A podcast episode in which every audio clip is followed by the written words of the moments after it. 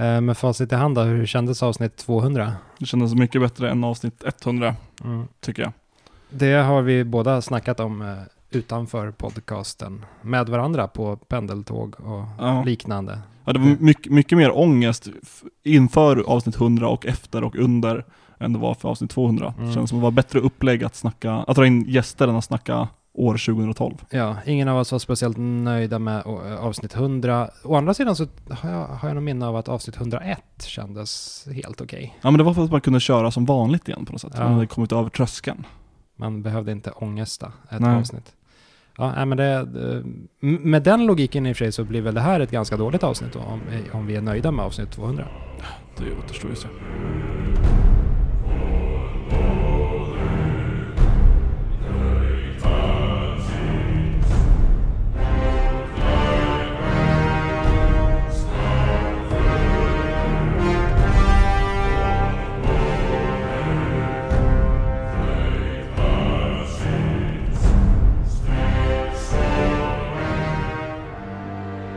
Hej och välkomna till Loadings podcast avsnitt 201 kom vi fram till att det var. Där satt vi. Ja, där är Ja. vi.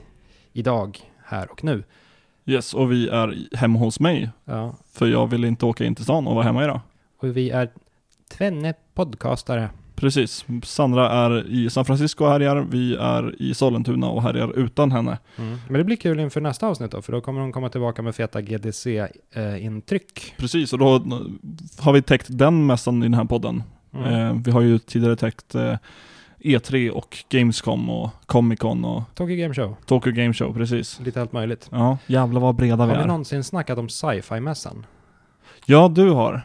Du har snackat om hur dålig den är. Den är ganska deprimerande. Ja, man betalar mest för autografer och Ja. köper merch. Precis. Men jag fick eh, T1000s autograf där en gång. Det är jag nöjd med, åtminstone. Bra. Så, eh, vad har vi in, i, idag på agendan? Ja, försöka runda upp avsnitt 200 kanske och Mm. ta oss vidare därifrån. Ja, lämnar det bakom oss. Ja. Eh, vi har lite nyheter. Vi har, jag har en hel del spelat. Du har lite spelat. Sandra är av förklarliga skäl inte med i spelat segmentet. Men eh. kanske har spelat jättemycket. Kanske. Och sen har vi en eh, hel radda kommentarer. Vi får väl se hur många vi orkar med Ja, av dem. precis. Men det är ju kul att få med lite lyssnare i, i avsnittet. Vi tar det mot slutet av avsnittet. Vi bränner den bron när vi kommer dit. Precis, vi kan ju bör- kanske börja snacka nyheter istället. Mm. Har du någon favoritnyhet av dessa två? Ja, den, den första talar ju till mig. Jag ska bara läsa igenom den först. Eh, ja, det är ju så att eh, CD Projekt Red, de gamla, Världens kanske räddaste spelföretag. eller oräddaste. Så här, jag förstår ordvitsen, men DRM-fria och bara kör sin egen jävla grej Ja. i PC-träsket. De jobbar i alla fall på Cyberpunk 2077, som utannonserades redan 2012. Eh, nu har de meddelat att de öppnat en ny stu- studio i staden Wrocław, eller Wroclaw som det stavas. Ja, det, är ju, det borde ju uttalas så. Nu kan jag Ja. inte polska, men det är ju lite ballare med Roclaw. Det, är- det är coolare. Ja. Det är om inte annat ett eh, rollspelsnamn. Faktiskt, någon gammal eh, Barbar. Ty, ja, barbar som klär sig i päls och typ saknar en hand eller något. Har sytt fast en, en klo. Just det, Ja, det är Mm. häftigt. mycket bra. Och det här ska då äh, hjälpa till med arbetet för just Cyberpunk 2077. Mm. Eh, De köpte studion Strange New Things där de hittar personer som tidigare arbetat på spel som Dying Light. Inte jättebra. Eh, Oh, det är kul. Okej. Det är ett kul spel. Okej. Kötta zombier. Ja, visst. Och The Witcher, det är bra. Hitman och eh, Dead Island, det är inte så bra. Dead Island. Nej. Eh, och den här studion kommer då byta namn nu från eh, Strange New Things till CD Projekt Red eh, Warclaw. Aha. Ja. Är det här, om vi säger så här, hur oroad blir du av den här nyheten? För Cyberpunk 2077 är ju ett spel som har varit på gång bra jävla länge. Det, är, det har varit på gång ungefär lika länge som den här podcasten. Mm. Eh, och ehm, nu startar man en till studio för att hjälpa till. Alltså jag vet inte. Det känns som att här, kontraktarbete och utökande är supervanligt. Det verkar inte på den här nyheten som att de lägger över allt ansvar till en ny studio, utan att de bara utökar. Mm. Eh, så jag känner mig inte jätteorolig. Fast jag vet ju fortfarande, man vet ju inte vad Cyberpunk 2077 kommer vara, hur det kommer se ut och hur det kommer bete sig. Nej. Vi har ju bara en, en dum teaser från 2012. Ja, jag är väl kanske inne på samma spår då, att det är Det känns inte lika skakigt som Final Fantasy 7-remaken. Mm. Jag insåg plötsligt att dagen det släpps, då kommer vi förlora ett stort samtalsämne liksom att klanka ner på i den här podcasten. Det känns som att vi ofta återkommer till Final Fantasy 7-remaken och hur jävla försenad den är och hur den aldrig kommer bli av. Ja. Ja, det, det kommer vara en bitter dag för podden. Det kommer vara lite som när Duke Nukem Forever släpptes, att så här, jaha, vad, vad hände här och hur går vi vidare från den här Vad ska vi punkten? bärsa på nu? Ja. Ja. Vi hittar säkert något. Eh, en annan nyhet som inte alls har med eh, Cyberpunk 2077 är att NPD Group, vilket alltså är tidigare National Purchase Diary Panel Incorporated, eh, har bekräftat att Nintendo Switch har slagit alla möjliga rekord. Framförallt slagit rekordet i att sälja mest ja, sälja mest i Nordamerika första 12 månaderna eh, någonsin. Så Nintendo Switch-succén fortsätter med andra ord. Eh, och vi får inga exakta siffror, men det får man väl eh, ganska snart ändå, om Nintendo ska komma med sin årsrapport. Mm.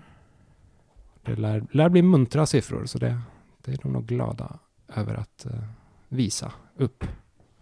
Och vi gillar Switch. Det gör vi. Kul med framgång. Ja.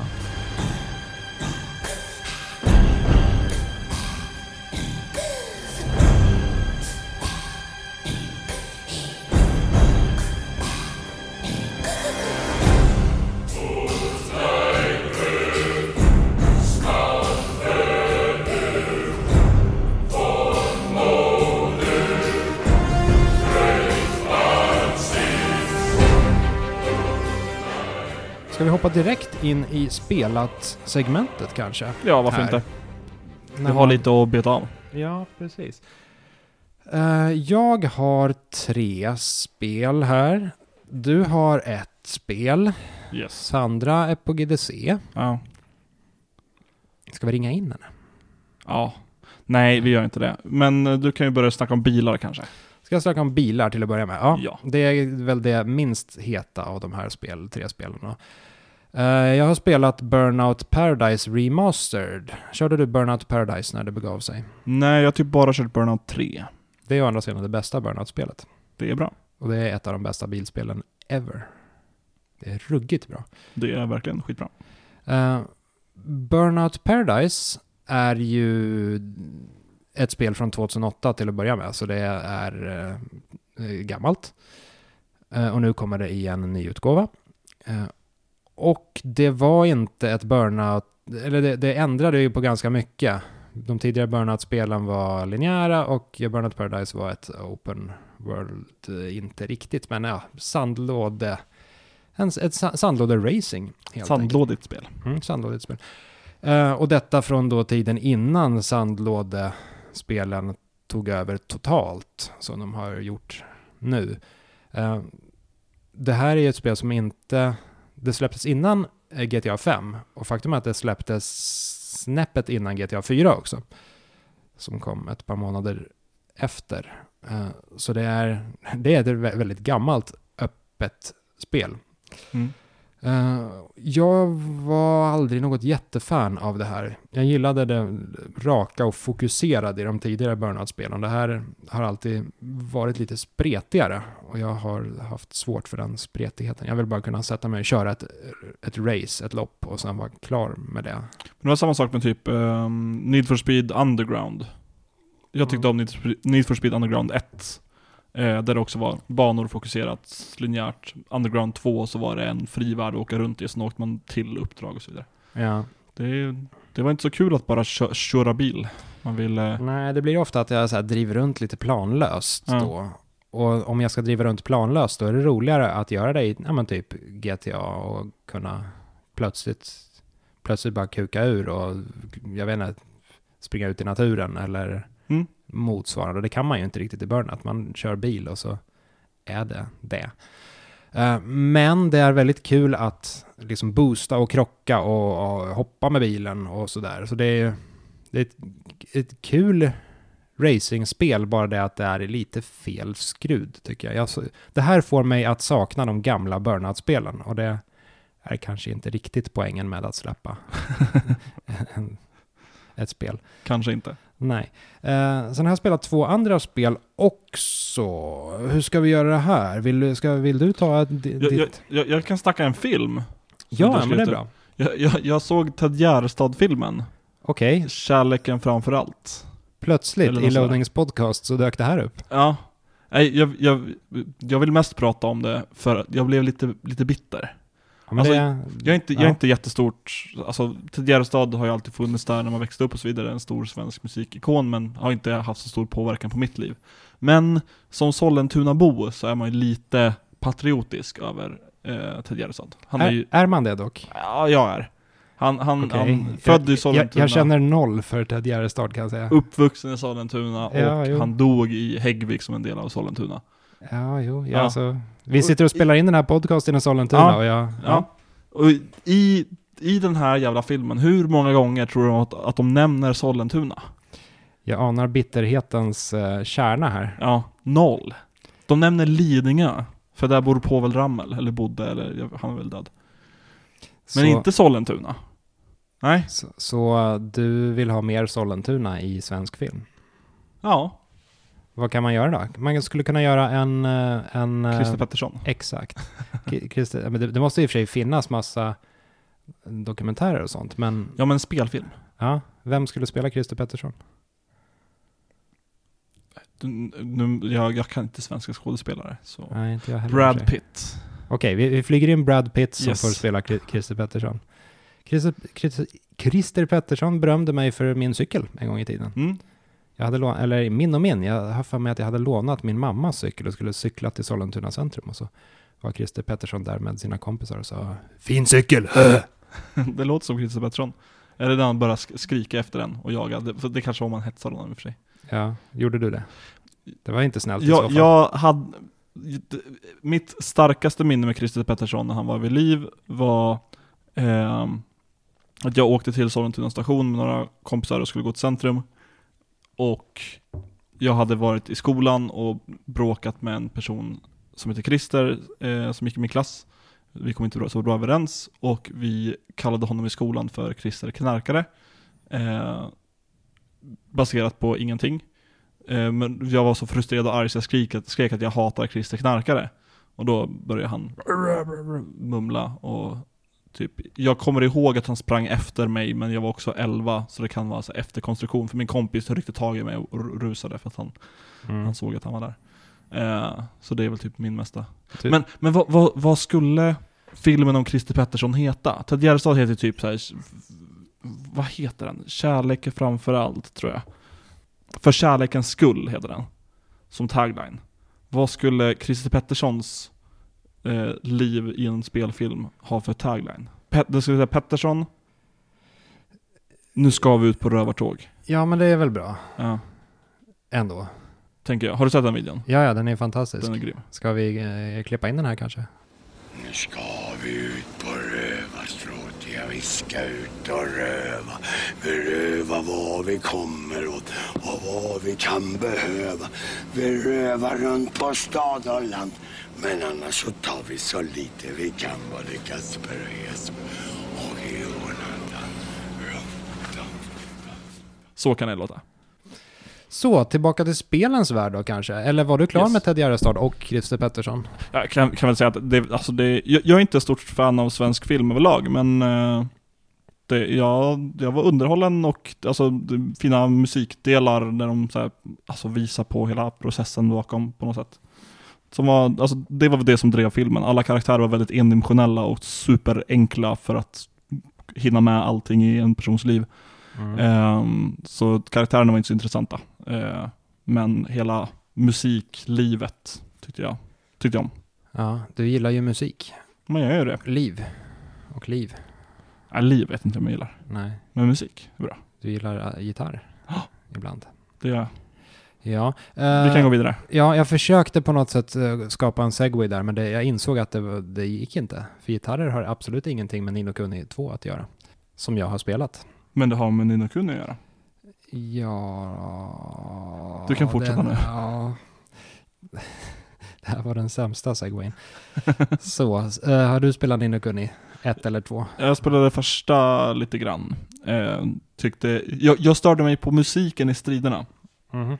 För att det var en sån otrolig fanfar varje gång man gick in i en strid som blev ett irritationsmoment. Det var för mycket som hände i musiken. Så Final Fantasy stridsmusik håller för den är ganska enformig och monoton. Så den tåls att lyssna på väldigt länge och återkommande. Mm. Eh, jag tyckte inte det funkade med Nino Kunis stridsmusik. Och det är typ Nej. varför jag slutade spela det. Ja, men ibland eh, räcker det. Jag slutade spela Xenoblade Chronicles för att det eh, hade för gräslig musik. Yeah. Ja, ja, ja. Inte bra eh, soundtrack. Eh, Nino Kuni 2 har bättre soundtrack, men ändå inte jättebra soundtrack tycker jag. Det, det är väldigt ojämnt. Om vi, om vi av någon anledning börjar i musiken, eh, vilket vi tydligen har gjort, Ja, vad fan. s- som man ibland gör. Eh, jag har... Eh, vissa låtar är väldigt fina. Eh, huvudtemat låter väldigt mycket som Terminator-temat, vilket stör, eller inte stör mig, men jag, jag hakar alltid upp mig på det. Så här, men, na, na, na,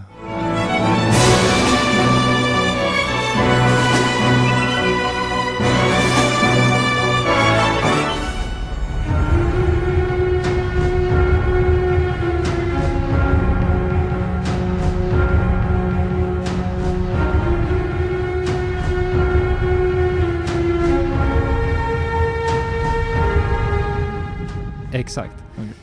Eh, Det är bra. ja, ja, det är jättebra. Kanske inte riktigt som rolls, rollspelsmusik dock. Kanske inte. Ehm, Speciellt inte i en färgglad eh, Miyazaki-värld. Nej, eh, men... eh, Eller det finns även en skitläskig låt som spelas i en, så här, i en ganska mysig bergmiljö. Man är ute och Okej. lallar i bergen och så kommer det något som horroraktigt. Så Man blir alldeles, alltså man, man blir lite psykiskt förstörd av att vistas i de där bergen för länge. Och den där låten återkommer sen. Så det är läbbigt.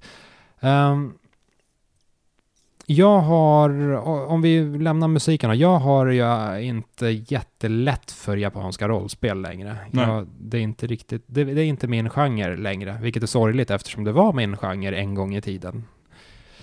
Ehm, och mycket av det jag stör mig på i japanska rollspel, det är ju liksom klumpigheten eh, liksom mekaniskt och eh, taffligheten berättarmässigt.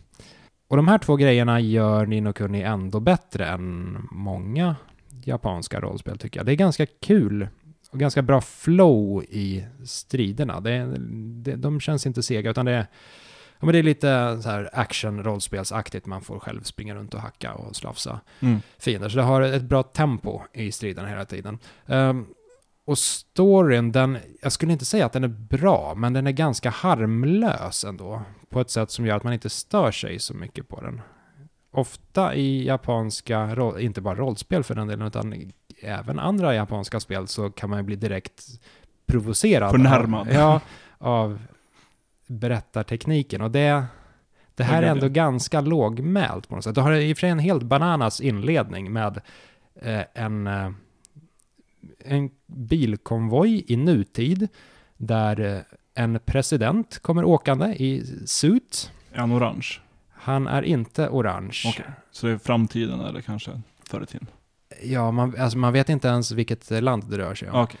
Eh, och sen plötsligt kommer en nuke flygande bredvid bilen, eller eh, snett ovanför bilen. Och presidenten tittar ut och typ, ja, blir väl allmänt överraskad över att det kommer missiler. Eh, slår ner i staden som presidenten är på väg till och staden sprängs. Och det är där spelet börjar. Sen, sen eh, transporteras man till fantasilandet där den här eh, pojkkungen bor istället. Det är en, en pojkkung med eh, bröderna Lejonhjärta, Frissa, eh, kattöron och svans. Är det han man spelade i första spelet? Eh, nej, han, det tror jag väl inte. Jag kommer knappt ihåg, jag kommer bara ihåg musiken. Eller jag kommer ihåg att jag störde mig på musiken. Och att man typ fångar det som små Pokémon. Han heter Evan i alla fall. Och han är eh, kung över ett eh, lite kattliknande kungadöme och så blir det invaderat av, eh, av råttor som fördriver honom. Och så ska han starta ett nytt kungadöme någon annanstans och så sticker han ut på äventyr. Eh, det har ett väldigt, för att vara ett så färgglatt spel så har det ett väldigt eh, komplext system ändå. Det är inte så svårt. Det har ganska låg svårighetsgrad, men det finns mycket att pyssla med. Speciellt kanske runt 10 timmar in i spelet. Då en hel hop nya grejer låses upp. Mm. Fältslag och eh, man kan, eh, man får bygga sitt kungadöme och man, man får customisa menyer på ett väldigt skumt men charmigt sätt. För att det har ett, ett levelsystem. De- Dels levlar man upp som vanligt och köper ny utrustning och sådär. Men man får poäng av att um, slåss. Och de här poängen får man sen spendera på att låsa upp och levla upp olika menyer inne i menyn. Okej. Som, ehm, som gör att man kan customisa striderna. Så man, man låser upp så här större och större möjlighet att dra i reglage inne i den här menyn. Där man kan ställa in till balansen mellan ska jag göra mycket skada mot den här typen av fiender eller mot den här typen av fiender. Right. Eller ehm, ska jag ha den här typen av loot eller den här typen av loot efter striderna. Eh, och det är eh, färg, eh, färgglada, mysiga menyer som är, de är lite kul att skruva på. Och det är, ett, det är kul att, att låsa upp menyer på det här sättet. Det, det känns egen Lite annorlunda. Eh, Så jag har väldigt kul med det här spelet faktiskt. Och det hade jag inte riktigt räknat med. För jag har... Någonstans har jag räknat ut de japanska rollspelen för min del. Det är inte längre någonting för mig. Men Hade du hunnit Det- spela Persona 5 än? ja, jag har det. Men jag, alltså jag har inte kört igenom det. Och jag fastnade aldrig riktigt för det. Okej. Jag kom inte riktigt in i det. Okej. Och det är synd, för det, alla, alla säger att det är skitbra. Det är skitbra. Mm. Jag, jag hade lättare att komma in i Nino Kuni. Kanske lite Mm. mer traditionellt och lätt-tuggat i och för sig. Kanske. Man springer mest runt och fjantar sig och har det ganska mysigt. Så, eh, sen har jag spelat ett spel till, men ska vi kanske ta ditt eh, Vi först? kan köra, vara var pirater först. Mm. Jag har ju spelat Sea of Thieves. Eh, jag vill säga en himla massa, men det stämmer inte riktigt. Jag har spelat det Lite massa. så mycket som jag, som jag kan, Mhm. som är några timmar. Så det är bra. Ja. Typ. Jag, jag spelade ju under betan och var imponerad redan då och har snackat i podden om, om hur, hur roliga och spännande upplevelser man hade. Det bara Du- typ mysigt att stå på båten och typ spela musik. Medan du talade dig varm om spelet, Precis. minst sagt. Och eh, nu är ju då fulla spelet släppt och spelar man betan så har man en väldigt bra bild av hur det är. Det, I betan så hade man möjlighet, det fanns ett kompani som sålde eh, skattkartor som man då kunde köpa och så kunde, fick man en karta att titta på och så behövde man hitta en ö som liknade den på kartan, Mm. den lilla kartan på en större karta då. Åka till den, gräva upp skatten och åka tillbaka och sälja den. Eh, och det är då ett av tre stycken kompanier. Nu ja, finns de tre andra tillgängliga. Mm. Eh, och då är det andra att åka till olika öar och typ fånga djur. Eh, så man får kanske en beställning på att vi vill ha två stycken kycklingar levererade hit. Då får man ta två burar och åka till olika öar tills man hittar någon kyckling, bu- Mm. bura in dem och leverera dem. Och sen så finns det ehm, huvudsakliga fienderna när det är PVE eh, i spelet är typ skelett.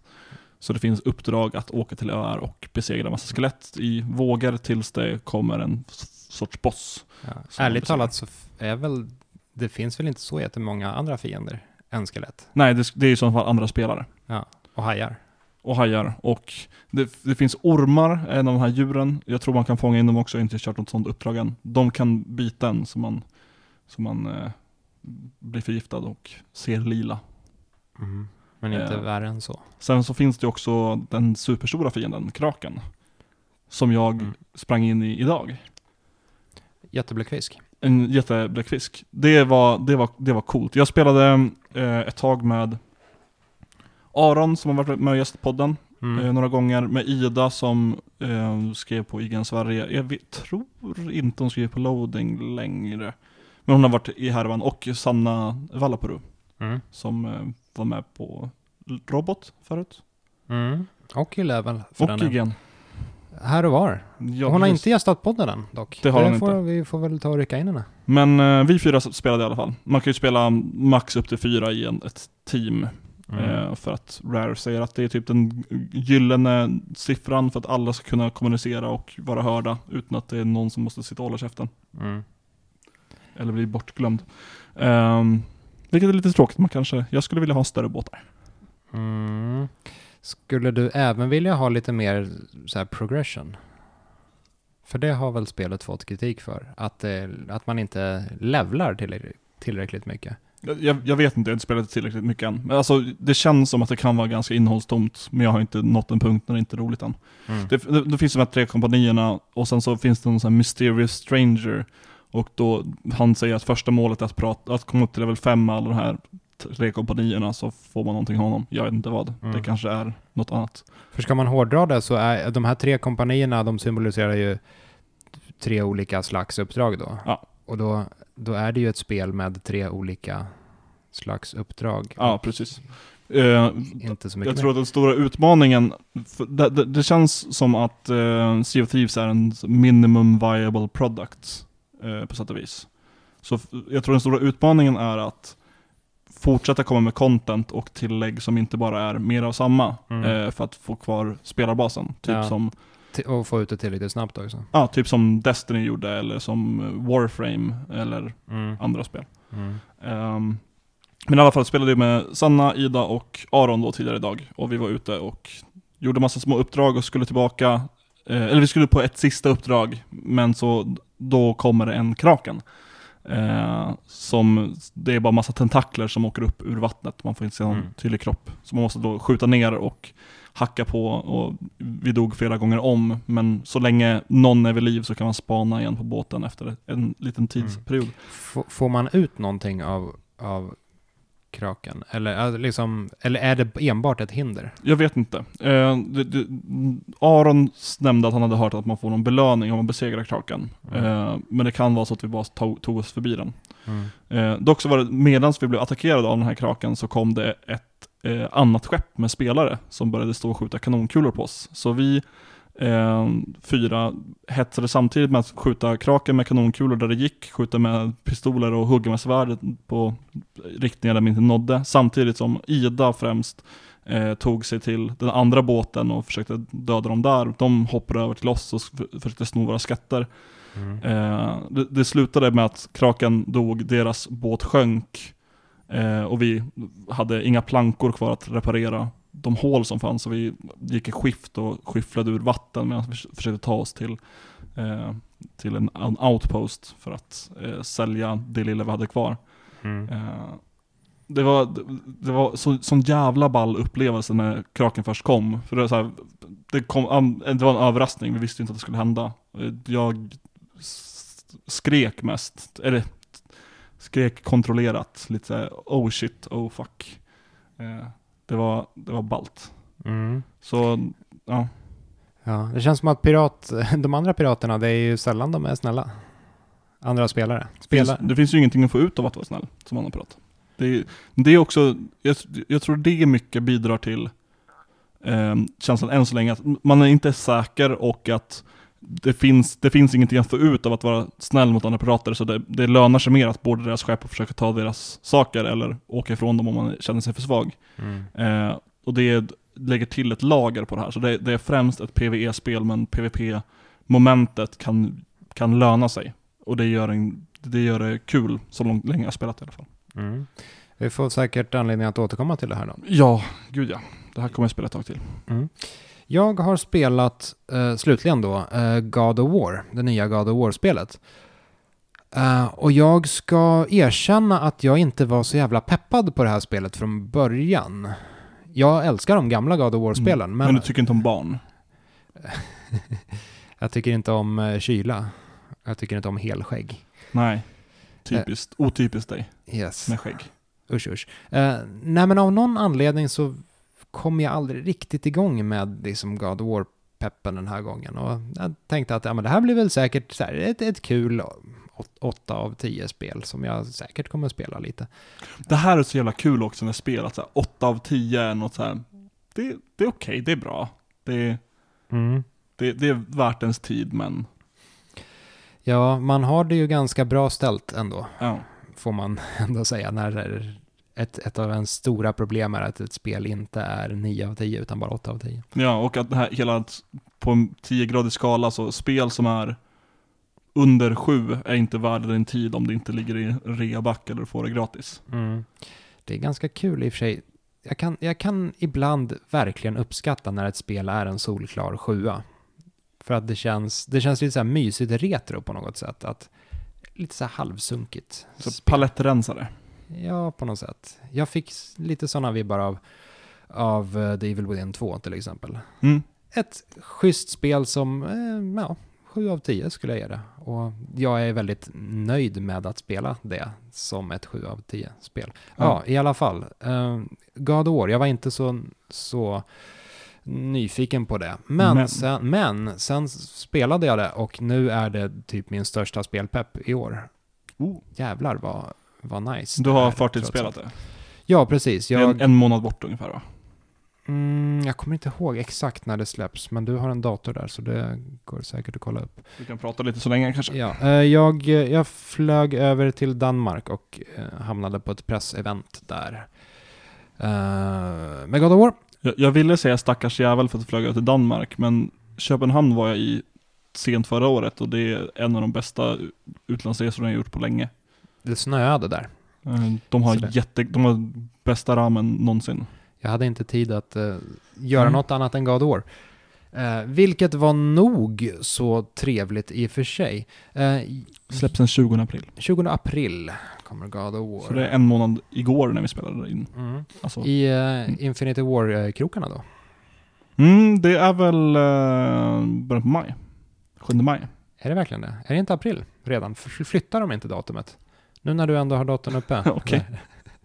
Jag är ganska säker på att de flyttade, flyttade Avengers till april. Och Star Wars, solofilmerna i maj. I alla fall. Ja, eh, 27 april. Först God of War, sen lite senare Avengers. Men då är jag i Japan. Ja, så kan det gå. Oh, jag ska skicka med dig en beställning där sen. Okej. Vi pratar om det efter podden kanske. Ja, vi kan prata om det här. Kan inte du köpa eh, Earth Defense Force 5 till mig? Jo, det kan jag. Jag skickar med dig pengar. Och Eh. om jag kan få, du, när du var i Japan senast så köpte du en present till mig. Just det, Jag skulle vilja få den. ja, just det. Det var ju ett, eh, var det ett eller två år sedan? Det var någonstans där. Skit. Ja, det, visst. Eh, för att återgå till God of War då. Jag gillade verkligen det första God of War-spelet Mm. till PS2. Ehm, jag gillade de andra spelen också, men det första spelet har något speciellt i att jag tycker att Kratos och berättelsen om Kratos är, är intressant. Back in the days. Han kändes som en ganska tragisk karaktär och det var ett fint uppnystande av hans öde när man fick reda på först att han hade svurit, eh, sv- svurit sig till eh, Ares och sen att han hade dödat sin familj och sen att eh, familjens aska var liksom insmetad på hans hud för evigt och, Mhm. och sådär. Det var en, en fin liten grekisk tragedi som jag tycker att de, typ alla senare God of War-spel lite sjabblade bort. Där blev det bara så här, Kratos är skitarg och han ska hämnas för han hatar allt och han, han skriker mycket. Och det är väldigt kul att spela, men det, är, det har inte det här, det här mänskliga lagret. Eh, och nu blir det lite en, en lite mer sansad Kratos igen. Han har ju dragit... Gubb-Kratos. Ja, grubb, gubb-Kratos. Gr- Grubb-Kratos. Grubb. Pappa, pappa Kratos. Han har dragit sig tillbaka. Eh, I de tidigare spelen så slogs han mot de grekiska gudarna, sen mördade han i princip hela jävla eh, eh den grekiska mytologin. Eh, och tog livet av sig själv. Men sen visade det sig att han eh, lyckades överleva att sticka sig själv igenom kroppen med ett jättesvärd. Eh, så han flydde till eh, Norden istället och in i den nordiska mytologin. Eh, och nu har han en eh, stuga i skogen där han bor tillsammans med sin, eh, sin son Atreus, som han väldigt ofta kallar för Boy. Det är, typ, det, det, det är nästan allt han säger, Boy, till Atreus. Eh, och så vill de vill vara, mest vara i fred där. Ehm, och sen en dag kommer en främling till stugan och eh, verkar på något sätt intresserad av Atreus. Eh, och det ska ju sägas att Kratos är ju halvgud. Hans pappa är ju Zeus. Så han har liksom gudomligt blod i ådrorna, vilket gör att hans nya son nu också Är det en fjärdedels gud? rimligtvis.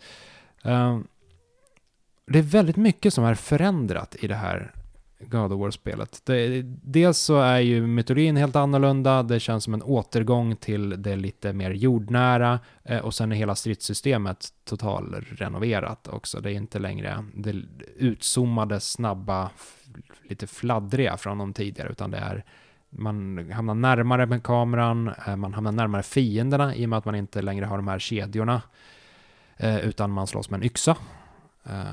Så det, det är lite mer inspirerat av ett FPS på så sätt än, än typ Devil May Cry. Man hamnar närmare stridens hetta. Eh, och trots att striderna är så omarbetade så fungerar de väldigt, väldigt bra. Den här yxan som man har, den, den går ju att, man, man har sett att den går att kasta iväg. Eh, Jag hade inte riktigt insett hur central den här funktionen är för striderna. Men man kan kasta iväg den här när som helst. Ehm, Och det rekommenderas att man gör det i striderna. Att man sular iväg yxan, för den kan återvända till ens hand om man håller in, jag tror det var trekantknappen. Lite som Mjölner för Tor. Mm. Eh, Så man kan kasta iväg yxan eh, som har någon form av frostegenskap också. Så man kastar den på en fiende och fryser till den fienden. Och sen kan man fortsätta att slåss mot andra fiender med knytnävarna och så tar man tillbaka yxan lite senare. Mm. Och det är ett så otroligt skönt eh, Ljud. ja, ljud och animation och litet moment när man det är som ett tungt ringande när man får tillbaka den här yxan i handen. Så det, alltså jag, jag stod och bara kastade yxan fram och tillbaka över snön, bara för nöjes skull. Det låter som du på förhandstittar. Ja, men det är, det är jävligt kul. Abusar någonting roligt. Ja, är det roligt så ska man abusa. Eh, och när man kastar yxan över snön också så river den upp snön som den flyger fram Nice. över. Så att, ja, det, det är lite schysst snö, snöfysik där också. Och även när man, när man skickar tillbaka yxan så slår den emot saker och ting som den flyger, flyger förbi. Ibland kommer man på sig själv med att så här, vänta, jag har inte yxan längre, jag kastade bort den någonstans. Och så håller man inne hämta-knappen och så hör man längre bort på banan hur den så här tong, tong, tong, tong, tong, börjar slå igenom små björkar och ris och så. Vad nice. Ftom. Oerhört eh, skön, eh, ja men skön och köttig, tyng, tung känsla. Eh, och sen blir jag riktigt peppad på storyn också. Jag är, jag är väldigt nyfiken på att se hur, hur det här slutar. För det hintas ju, alltså det här är ju en, trots att de har ändrat väldigt mycket så är det inte en reboot, utan det är en fortsättning på God of War 3. Han har bytt utseende och mytologi och stridssystem. och hela- Reimagining. Ja, det är samma Kratos i samma värld. Det är bara det att det är en annan del av världen med andra gudar. Mm. Eh, eh, Det, Men- det, det, det är Logan och inte Wolverine. Äh? Ja, ja, ja. ja. Eh, och de hintar ju hela tiden, eller inte hela tiden, men de har hintat vid, vid flera tillfällen om att eh, Kratos liksom in, är en utböling. Så här. De snackar om så här, your kind och det, det, fram, det verkar som att vissa känner till att han en gång i tiden höll till nere i Grekland och dödade gudar där. Mm. Eh, däremot vet inte hans son om det här. Så det, det kommer säkert någon snygg liten twist när Kratos förflutna hinner ikapp honom. Även här uppe i Norden. Uh, hittills har jag inte, eller hörd, jag hörde inte det här klassiska God of War-temat, musiken.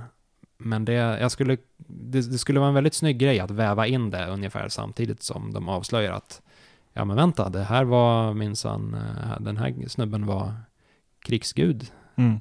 i söder en gång i tiden. Så jag är, ja, jag är väldigt eh, nyfiken och eh, jag kommer köra vidare. Jag kommer ju köra, köra skiten ur det här när det väl släpps. Kul. Ja, jag blir pepp nu också. Jag, inte, jag har noll relation till God of War. Jag spelade trean lite snabbt och tyckte Mm. att det var jobbig kontroll. För att man inte kan styra kameran. Mm. Eh, det kan man nu. styra kameran. Alltså, det är Mm, jag kommer ihåg att man, man såg det i första, eh, vad heter det? Game, in- in-game footage. Alltså en kamera som roterade. Mm. Jag tänkte att, ja men det kanske är något. Ja. Eh, de gamla God of War-spelen, de var ju, de levde mycket på, eller en, en, en dimension med dem i alla fall var att det var så väldigt, väldigt grisigt övervåld hela tiden och Kratos avrättade folk till höger och vänster. Eh, även våldet känns lite mer sansat nu, det eller snarare kanske lite mer realistiskt, lite mer, Lite mer Last of Us och lite mindre Uncharted. ja, lite mer fysiskt och tungt. Mm. på, på, ett, på ett nice sätt. Jag trodde för övrigt att eh, spelet skulle vara lite mer öppet än vad det är, men det är ganska linjärt ändå. Jag trodde att det Skönt. sk- ja, ja, faktiskt. Jag, eh, jag tar hellre ett riktigt bra linjärt spel än ett, ett spel som mm, liksom påtvingat ska vara öppet, som allt för många spel är Mm. Nu för tiden. the Evil Within 2. Hoppsan! Ja, ett 7 av 10 spel. Så, eh, nästa månad kommer hit. Då jävlar.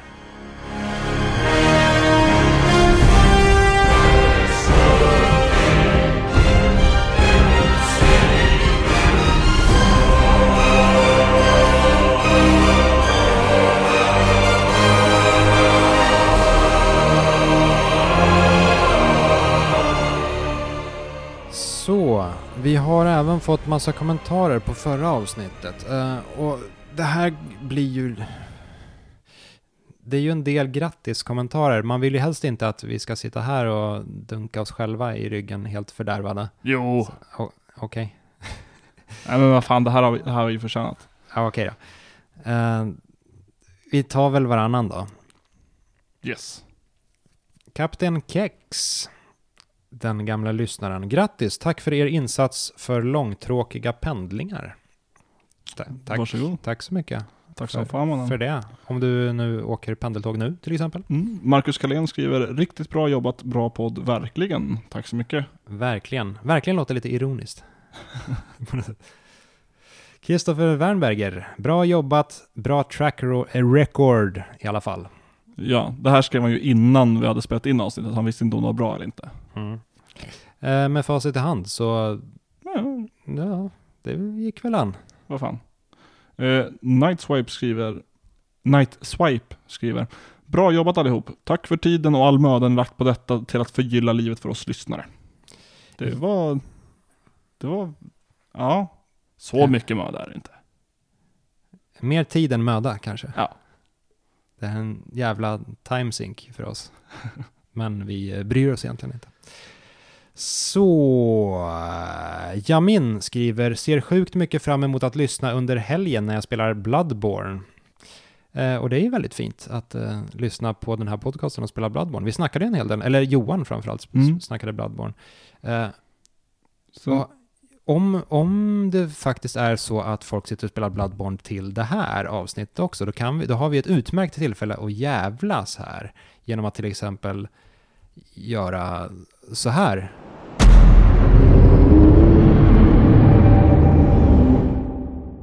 Oj då. Där gick det som det gick. Yes, Peter Hotell skriver Hurra för 200, vilken champagnepop. Jag var stolt. Du var lite mindre nöjd över all champagne jag spillde på ert korkbord. Mm. Luktade det sunk där inne? Ja, nej, det är inte så här en vecka senare i alla fall. Ja, men det blev en, det blev en bra pop. Det blev eh, en mindre bra kaskad, kan man väl säga. Eh, vad var vi nu då? Per Landin, skål för tusan, på tal om champagnepop. Skönt att David äntligen säger zombies och Sandra vurmade för Resident Evil. Uh, besviken på Viktors Kirby-hat och kul att höra Johan Hallstans röst igen. Bra avsnitt och fyran är helt klart sämst i serien. Då snackar vi alltså Resident Evil. Per Landin är ju personen som tycker att Half-Life 1 är bättre än Half-Life 2, eh, baserat på vad han har läst på Wikipedia. Så jag vet inte vad han har att säga till här om Resident Evil-serien. Resident Evil 4 är helt klart sämst i serien. Om vi ändå då begränsar oss till, vi skiter i Outbreak och eh, Survivor. Men vi har mest Bitter fem och Guns- sex. Ja, Och precis. sju. Skulle man säga att Resident Evil 4 är sämre än sexan? Nej, det är ju det bästa spelet i serien. Jag skulle i alla fall inte säga att det är sämst i serien, men eh, vi vet, vi, vi, vi får väl plocka med Per Landin i något avsnitt och eh, debattera Resident Evil 4. Slå honom. Till exempel. Martin, Martin, Martin. Martin Hovmöller skriver Men åh, jag glömde ju bort att tipsa om den bästa trasiga hästen till förra avsnittet. Eh, och det är då The Donkey Lady från Red Dead Redemption. Buggen där det var en kvinna som var en häst. Alltså det var en modell av en kvinnlig människa som agerade som en häst. Mm. Det fanns ju flera olika sådana här djur. Det fanns ju flyggubbar också, eller fågelmän. Just ja. ja. Som alltså var... Jag stötte aldrig ja. på någon sån där. Jag såg bara YouTube-klipp. Ja. Fanns det inte även någon form av orm eller något? Eller så kanske det är ett...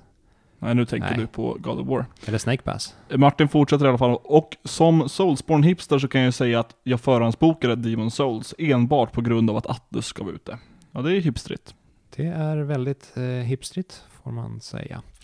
TV-spelspodden. Stort grattis till Loadings podcast som idag firar 200 avsnitt gjorda. Tack, tack, tack. eh, så mycket. Det är sant. Precis, och Ander, Anders Karlsson skriver skål och, skål och 200 hipp hipp hurra. Det är många hipp hipp hurra. Det är, Ska, ska jag ta mitt hipp hipp hurra där och klippa in det 200 gånger? det är eh, bra innehåll. Är Då bra fyller radio. vi ut podcasten i alla fall. Ja. Patrik Rickemo, väldigt bra avsnitt. Otroligt roligt att Johan kunde vara med. Det tycker vi också faktiskt. Ja, det är vä- väldigt roligt. Just det här, kunde vara med. Det, han bad att få vara med. Jag hade Ja, lite, han bjöd in sig själv. kände mig skamsen när vi frågade massa om de kunde spela in små meddelanden. Och han bara, "Nej, jag vill komma och besöka. Ja, det Himla är fint. eh, så det går till. Patrik fortsätter då. Hoppas på minst 200 avsnitt till och vore oerhört glad om ni kunde få med Thomas Wiborg i ett framtida avsnitt. Var alldeles för länge sedan jag hörde hans ljuva stämma. Jag Mm. skulle ju argumentera för att vi hörde hans ljuva stämma i förra avsnittet. Ja, han lät ju exakt sådär. Ja, vi får väl se om eh, Thomas eh, vill vara med. Jag tror att det är lättare att få med till exempel eh, Per Landin. Det tror jag också. Så en sista kommentar här då från Puffin Nintendroid, den gamle gode lyssnaren som Per Andin namedroppade i sin hälsning i förra avsnittet. Och tillika eh, lyssnaren med bäst nickname.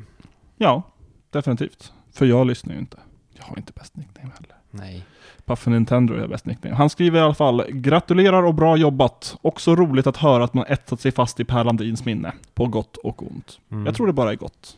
Ja, när Per Landin ligger på dödsbädden någonstans. Gammal och gaggig. Kommer man ett dödsväsen Då, väsa ur sig Puffin Nintendroid. då kommer det vara det enda som återstår i ett, eh, i ett tomt sprött skal där en människa en gång eh, fanns. Precis. Och eh, med det sagt så är det kanske dags att börja runda av det här 201 avsnittet. Mm. Nästa vecka så är väl förmodligen Sandra tillbaka med GDC-intryck. Det får vi verkligen hoppas. Och vill du lämna en kommentar på det här avsnittet som vi kan läsa upp i nästa kan du göra det på forumtråden som finns på loading.se. Du kan också skriva till oss på Twitter, där heter jag att aidsbrain Jag heter att Viktor underscore Sjostrom. och Sandra heter att sandified. Fråga henne om GDC. För Saker. All, för all del. Tack och hej. Hej.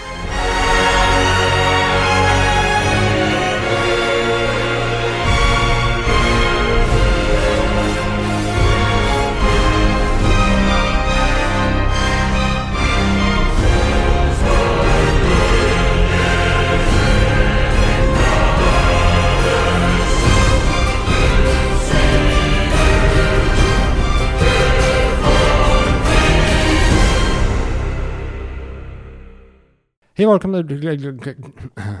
För snabbt. Hej och välkomna till Loadings podcast avsnitt 100... Nej, det är det inte heller. Det är Nej. 201. Oj vad svårt. Ja.